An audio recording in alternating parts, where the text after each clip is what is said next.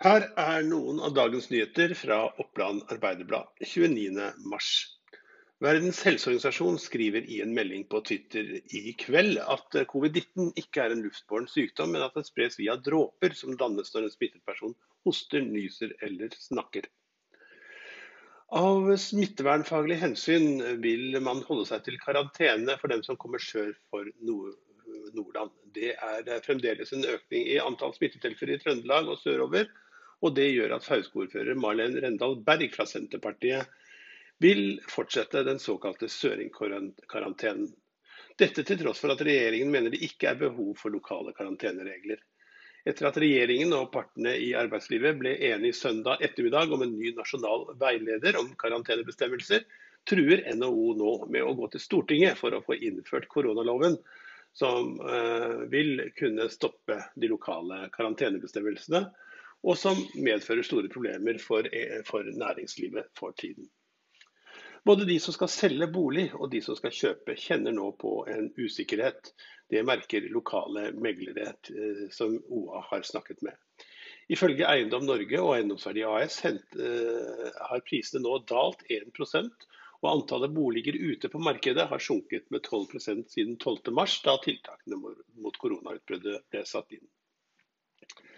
Det er et kappløp med tiden for å få lært opp nok leger og sykepleiere i Innlandet til å behandle alle pasienter som i mai forventes å ligge på pustemaskiner.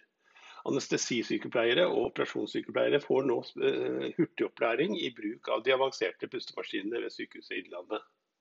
I tillegg har sykehuset ute på nettsiden en oppfordring til helsepersonell om å melde seg til tjeneste.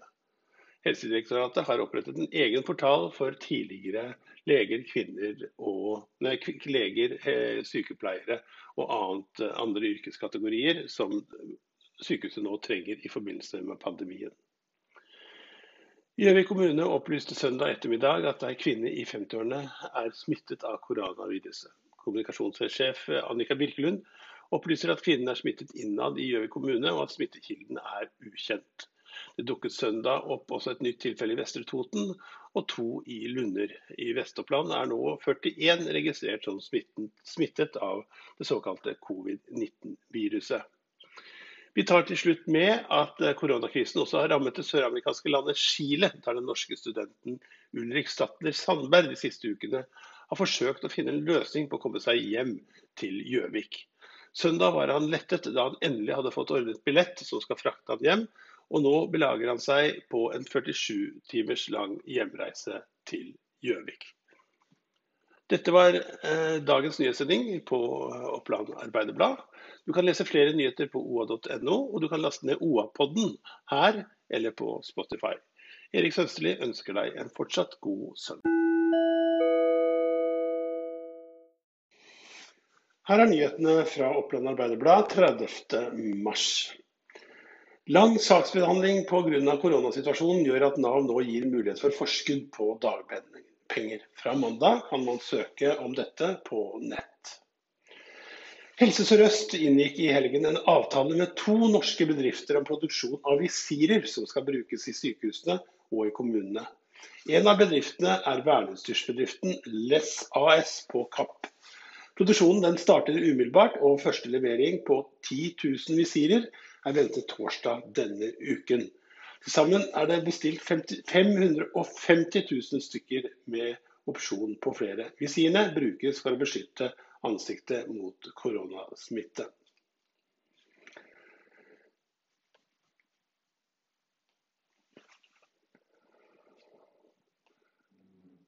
Dette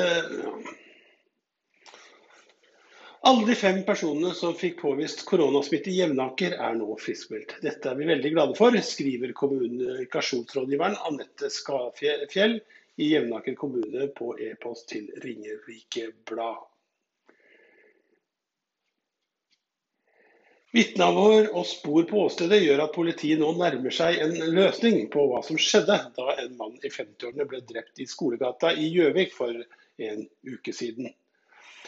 Politiet sier at man begynner å bli ferdig med den tekniske etterforskningen, og har fått et bilde av hva som eh, hendte. En kvinne i 20-årene ble forrige tirsdag pågrepet og siktet for drap på en mann i 50-årene fra Tyskland.